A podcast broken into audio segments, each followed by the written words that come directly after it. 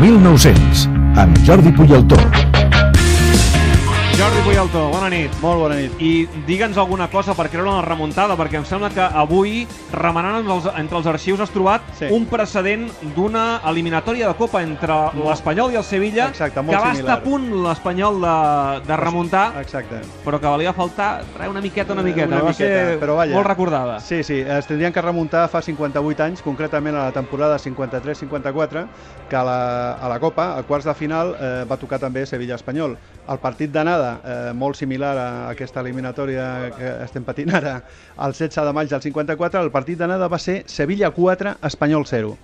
Tres gols que van marcar Araujo i un Domènech. Que i- segurament en aquell moment tothom, els pericos, donaven ja per perduda exacte, aquella més o, eliminatòria. menys, més o menys com avui. Eh, potser encara una mica més, perquè clar, un 3-1 amb un 2-0 passes, però amb un 4-0 era, era impensable, no? La, llavors, resulta, la, la tornada va ser la setmana següent, el 23 de maig, a Sarrià, i a l'Espanyol doncs, es va posar a intentar la remuntada, no? Eh, el partit va acabar concretament 6 a 2. 6 a 2. 6 a 2. Amb aquest resultat, ara l'Espanyol... Ara no estaria passat. eliminat, però a aquella època, com no tenien el valor doble els gols marcats a camp contrari, va ocasionar un tercer partit. Però independentment del tercer partit, eh, el partit aquest del 6 a 2 va ser tan, tan increïble que m'agradaria explicar-lo una miqueta, no?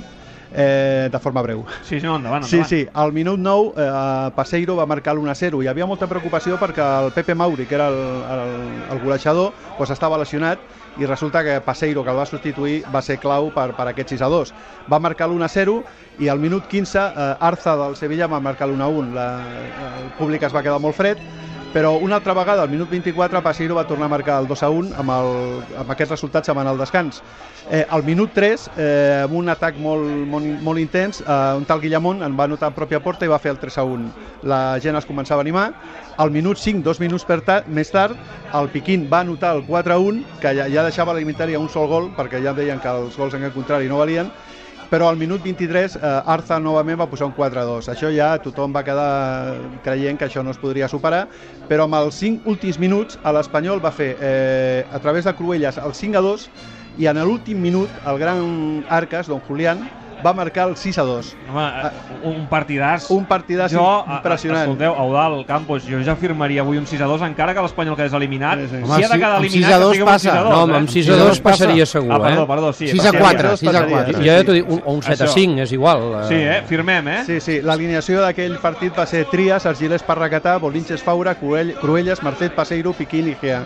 Ara, Perdó, ara, Piquín i fal- Arcas. ara faltaria per veure qui, qui seria el passeiro avui, eh? Qui, qui pot ser, sí, si Longo, podria ser, podria ser Longo. si Estuani, Longo. no? Estuani Sí, perquè sí. Estuani és el suplent habitual, no? Per tant, li tocaria ser Clar, passeiro, per, això, no? per això dic que, Clar, que clar. encara que hagin perdut 3 a 1, eh, va ser pitjor el 4 a 0 anterior. Jo crec que si el públic, el que eh, acabi arribant, i a l'equip mm, fan una unió com es va fer a l'any 54, jo crec que podrien passar aquesta eliminatòria. Molt bé, doncs escolta, per cert que hem penjat, Xavi, Sí. a Eudal, una portada que ens ha fet del Mundo el Jordi Deportivo del dia Deportivo, següent, eh? Correcte, com posa la- Espanyol 6 Sevilla 2 i una petita crònica que, que explica que va ser un partit impressionant. O sigui que no, el fet de perdre 4 a 0 o 3 a 1, eh, cada partit és diferent i potser avui torni a passar el mateix que l'any 54. La, la, facebook.com correcte, dic, la història que ens ha explicat el Jordi Puyaltó la tenim al facebook.com barra Catalunya Vespre Esports amb aquesta magnífica portada del Mundo Deportivo de l'any demà.